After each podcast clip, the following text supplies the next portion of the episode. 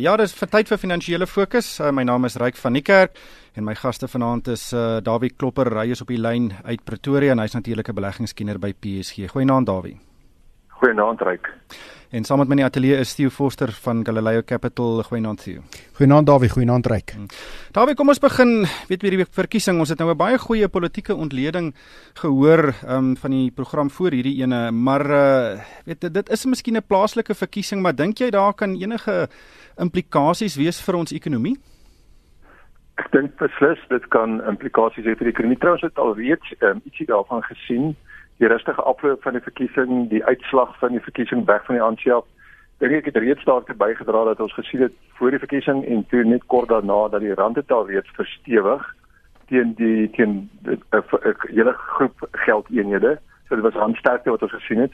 So dit is ehm, 'n um, stukkie wat positief is wat uit die verkiesing uit voorkom. Ons moet onthou daar is mos nou 'n hele klompie faktore wat die rand beïnvloed, maar Suid-Afrika spesifieke faktore verklaar omtrent 40% van die rand se beweging en hierdie was dan een van daardie faktore wat ek dink vir 'n slag positief vir die rand gewerk het.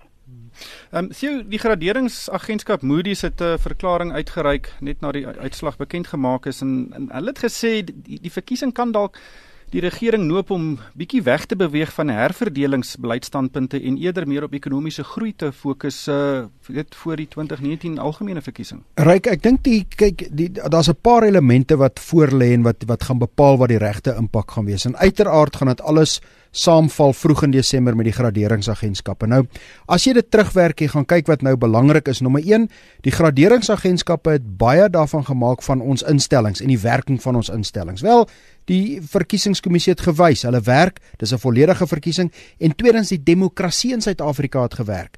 Ehm um, nou moet jy onthou ons word vergelyk nie met Amerika of Engeland nie. Ons word vergelyk met onder andere lande soos byvoorbeeld Turkye of Maleisië of Brasilië.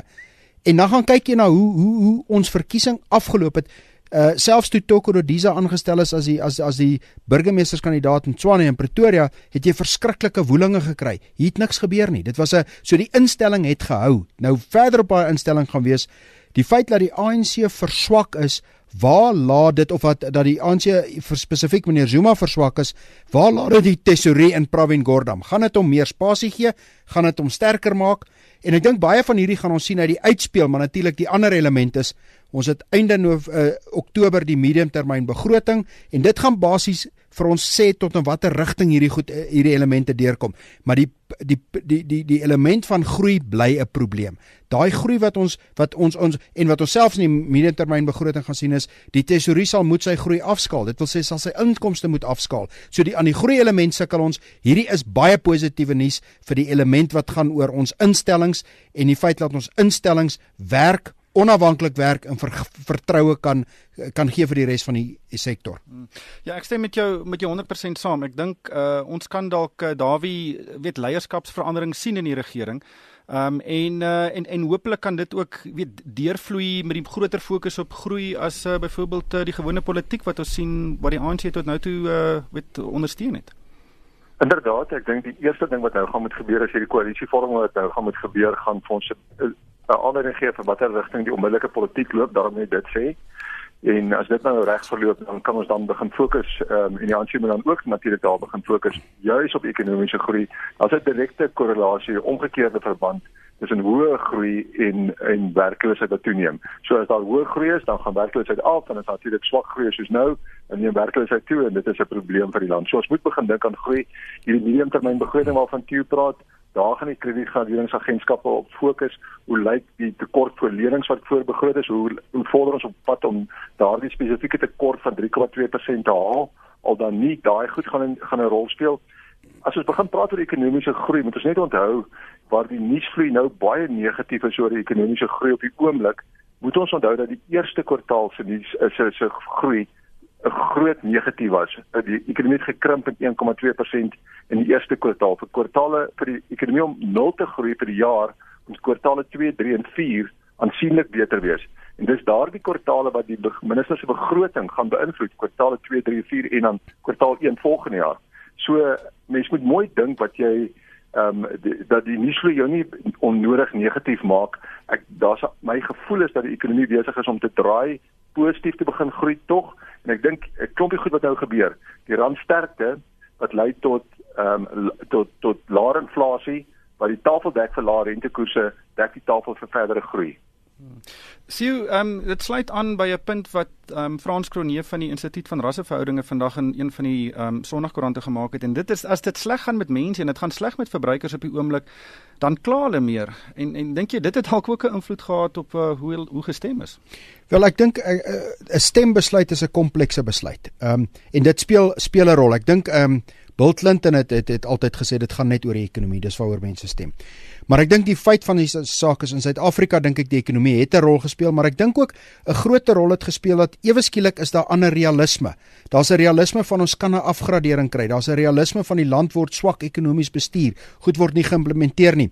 Maar teen al hierdie as ons net terug aan ons kyk in Januarie. Onthou in Januarie was die rand rondom R16.50 teen die dollar. Vandag is hy 13.65. Dis 20% sterker. In Januarie was die rand R24 teen die pond. Vandag is hy R17.90. Dis 30% sterker.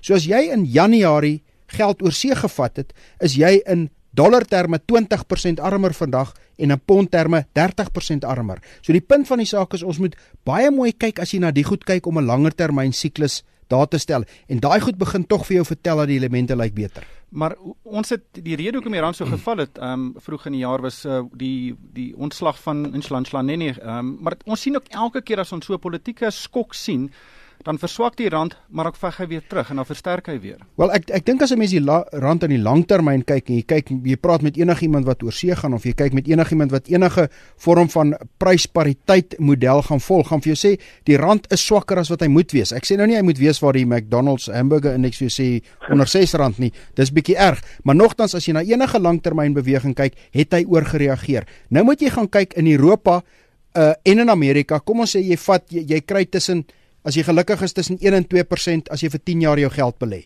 By meeste lande selfs negatief. Maar kom ons sê tussen 1 en 2%. Wel ons 10 jaar effekte staan hierso by 8.6 8.6%. So in Suid-Afrika kry jy oor 10 jaar verdien jy 8.6% per jaar.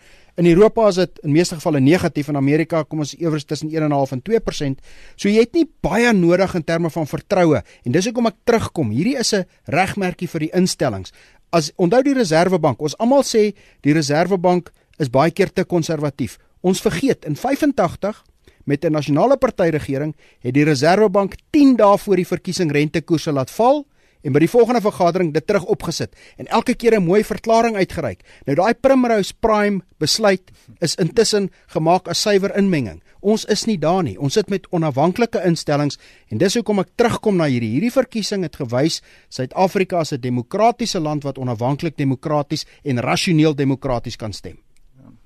Dawie, nog 'n verandering wat ek dink kan gebeur is dat in die rade waar die DA nou oorneem, DA en die as hulle nou ehm um, koalisies kan sluit, is dat daar miskien 'n hernieude fokus gaan wees op tenders. Uh, Veral daar in Pretoria daar waar jy kom, daai ehm um, as ek reg onthou is dit daai groot tender vir die uh, elektrisiteitsmeters wat nog steeds uh, eintlik op die agenda is. Uh, ons kan baie van hierdie tipe tenders en, en hooplik al miskien dalk korrupsie sien wat op die lappe kom.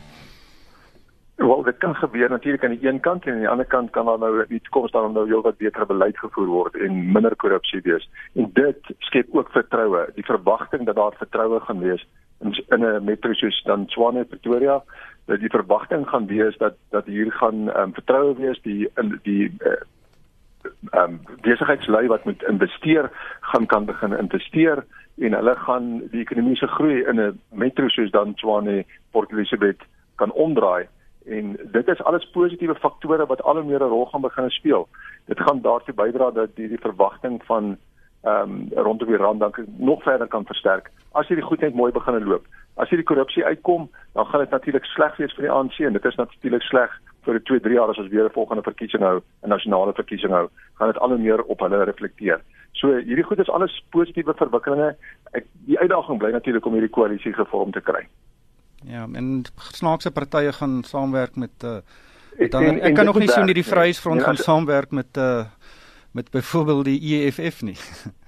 Ek sien dit dit is dis daai ding wat gaan moet werk. Ek weet die ouens het voor die in die vorige program daaroor gepraat en hoe moeilik dit gaan wees om dit gevorm te kry. Maar as hulle dan kan saamstem oor oor plaaslike kwessies dan kan daar dalk ook hier op 'n manier ehm um, um, selfs ehm um, vertroue verder geskep word. Ja, ons lewe in interessante tye, maar ek dink dit sluit ook aan weet ons het sterker instellings nodig en en moontlik kan hierdie verkiesing lei dat ons plaaslike owerhede sterker instellings word. Wel, ek dink ek ek Ekskuus Dawie. Ek kan maar sê. Okay as jy vreemde bedmaats het soos mense wat nie natuurlike vennote is nie dan beteken dit jy sal moet ooreenkom op sekere beginsels en daai beginsels gaan goed wees soos dienslewering skone regering want jy's nie in dieselfde bed wat betref ideologie nie. So jy sal suiwel moet ooreenkom op suiwer diensleweringselement tydslyne en projekte. En en, en korrupsie gaan nie geduld word nie want julle twee deel in elk geval nie dieselfde beginsels nie en ek dink jy vir grootglas sal ook nou meer op van daai rade wees presies wat daar gebeur en en, en hoe dit gebeur. Ehm um, Dawie, jy wou nog iets bygevoeg het?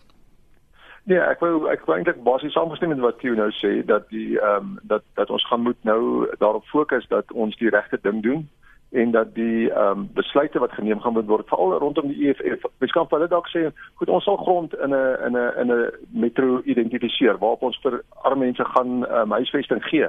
Maar dit is een kant van die saak. Ons gaan ook aan die ander kant van die saak sorg dat die dorp ehm um, infrastruktuur skep waar dit nodig is vir almal infrastruktuur skep en soos wat ons dit doen en soos wat dit dan lyk dat die dorp behoorlik bestuur word gaan die investeerders inkom en gaan die dorp verder ontwikkel word en gaan dit begin lei tot werkskeping in 'n in 'n metro. En dis iets plasma goed waaroor mense hoop dit kan gebeur en waar op gronde waarvan die EFF en die DA dan sou kon saamwerk dink ek. Ek dink aan die positiewe kant die EFF sal baie gou besluit dat die persone wat hulle rekeninge kan betaal, die sogenaamde meer ryker mense, is baie belangrik want jy daai inkomste nodig, jy moet aan hulle goeie dienste lewer sodat hulle jou kan help met die finansiering van die res. Die demokratiese alliansie sal moet leer hoe hanteer jy 'n werklose persoon wat nie regtig werk kan kry in 'n stadsraad. So ek dink dit gaan baie mense gaan baie lesse moet leer, maar dit is Suid-Afrika. Ehm um, Dawie interessante wat ons nou na die breë sake nuus kyk, 'n interessante ontwikkeling was hierdie week was die Reserwebank wat dit vir uh, vyf banke beboet het um omdat hulle nie FICA wetgewing streng nagekom het nie. Nou Investec se naam is daar, die ander is maar kleiner, minder bekende banke, maar Investec se naam is daar. En uh, hy's met 20 miljoen rand beboet. Um, en skynbaar het hy nie genoeg agtergrondondersoeke oor van sy kliënte gedoen nie. Dis nogal ek weet dit seker embarrasserend vir Investec nommer 1, maar, in die in die geskiedenis wat ons nou gesien het met die Gupta se rekeninge wat gesluit is weens daai uh, wetgewing, uh, hoe, hoe hoe sien jy die situasie? Kyk, die, die FICA wetgewing is vir ons almal um, redelik um, kom ons noem dit nou maar aanhalingstekens irriterend want jy moet die hele tyd vir jou kliënte vra om vir jou hierdie dokumentasie te verskaf wat van jou vereis word, jou ID, jou bewys van adres, bewys van bank en so voort. En dit geld ook vir die banke en daar's baie groot boetes wat jy kan kry as jy nie daaraan voldoen nie. Dit is 'n 20 miljoen rand boete wat die Investec dan nou hier gekry het. Dit is baie groot. Dit is ehm um, dis iets wat 'n mens voel ehm um, miskien oordryf word aan die een kant, maar aan die ander kant van die saak, dit het dan 'n baie belangrike rol en en die ouens wat hierdie ehm um, wet bedryf, die finansiële intelligensie uh, intelligensie sentrum Hulle is baie ernstig daaroor dat hulle wil weet dat daar behoorlik na ehm um, dat die wet nagevolg word en dat daar moontlik ehm um, geldwasery en wat ook al anders daarmee gepaard gaan wat dit aanleiding daartoe gee dat jy wil geld was dat dit aangespreek word. So mens moet dan net tog besef dat dit wel ernstig is en waar mense dan nou amper soos sê en aanhalingstekens irriterend is as jy vir die mense die hele tyd vra verskaf my hierdie dokumentasie maar dis wat die wet vra dat mense moet sien dit is nie sommer maar net om papier te mors wat ons hierdie goed vra nie. Dit moet gedoen word want dit dit het 'n rol te speel. Hmm. Jy is om ons instellings verder te beskerm. Matthew Investec, nou 'n paar jaar gelede is baie van die ander banke ook beboet onder dieselfde wetgewing, um, maar ek is baie verbaas om Investec se naam daar te sien. Dis een van ons uh, topbanke, dit is 'n hoë profiel bank. Ehm um, en sy teikenmark is uh, is die hoë end van die mark. Uh, uh, hoe lees jy dit? Wel, ek dink nommer 1 dit wys die instellings werk en ek dink dit is wat ons tot terugkom dat ons effektiewe instellings wat goed opspoor. Ehm um, ek ek stem saam met Dawie. Dit is baie keer baie ehm um, irriterend as dink die woord wat hy gebruik het, maar dit is baie keer 'n beslommernis om die goed te kry. En ek weet nie presies wat die detail agter hierdie was nie, maar is 'n 20 miljoen boete en ek neem aan hulle dood eenvoudig van die inligting was nie op datum nie, dit was nie goed genoeg sa saamgestel nie. En ek dink dit bewys ook hoekom die banke nie met die Guptas wou besigheid doen vroeër in die jaar nie. En dit wys vir jou die banke neem hierdie tipe wetgewing baie ernstig op. En en, en dit wys jou wat gebeur as jy besigheid doen met elemente wat jy nie die nodige inligting of agtergrond het nie, maar ek dink dis 'n bewys die instellings in Suid-Afrika werk. Hmm.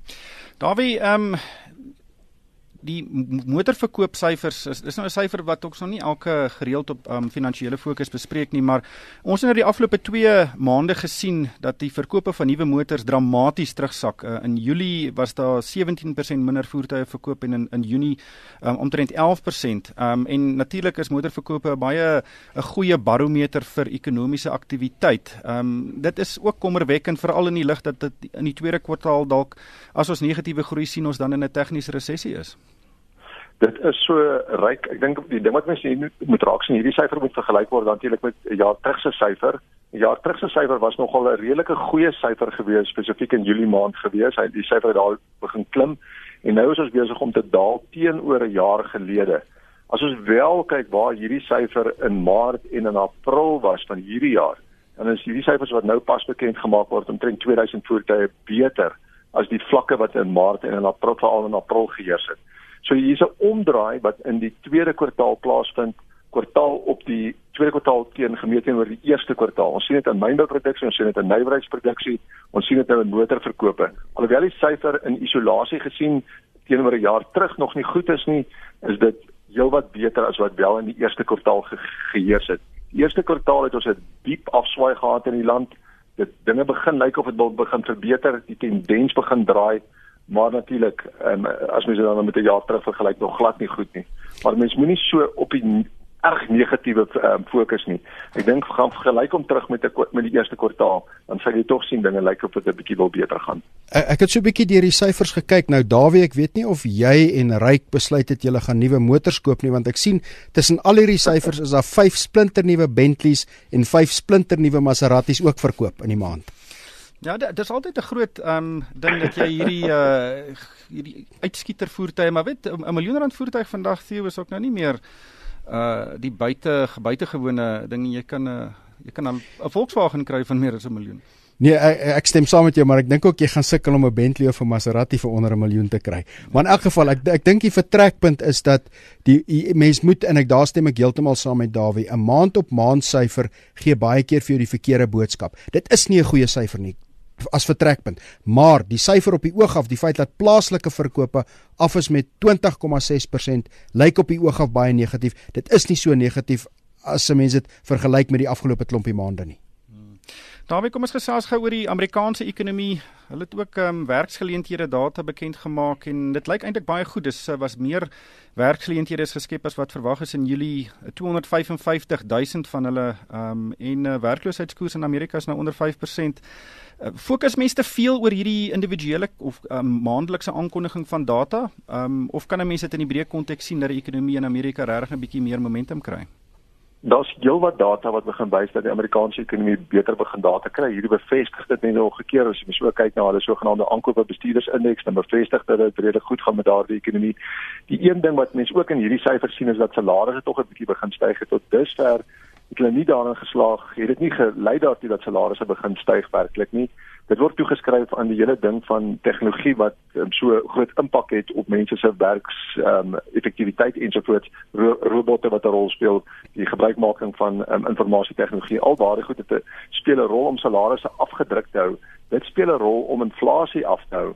En dis die ding wat Amerika nog steeds in die gang probeer kry is om hulle inflasiekoers tog 'n bietjie op te kry in die rigting van 2% weg van die 1% vlakke wat dit nou is.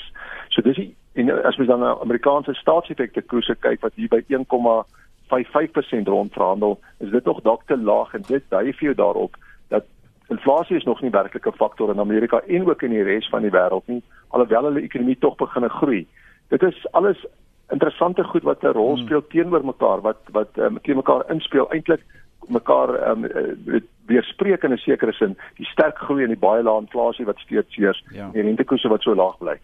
Net laastens steel, ons het so 'n paar sekondes oor. Die oliepryse is weer besig om vinnig te sak en uh Suid-Afrika is een van die lande in die wêreld wat die meeste baat by 'n by 'n lae olieprys so dit is ook om iets om na uit te sien. Laer brandstofpryse in die afsienbare toekoms. Ja, lae olieprys, sterker rand help altyd. En ek dink wat 'n oliepryse agtergrond is, daar die voorraadvlakke raak besonder hoog in in baie van die groot lande in die wêreld. En terwyl jy as jy as jy olie is vraag en aanbod en as jy hoë voorraadvlakke byvoeg dan bly daar afwaartse druk op die prys.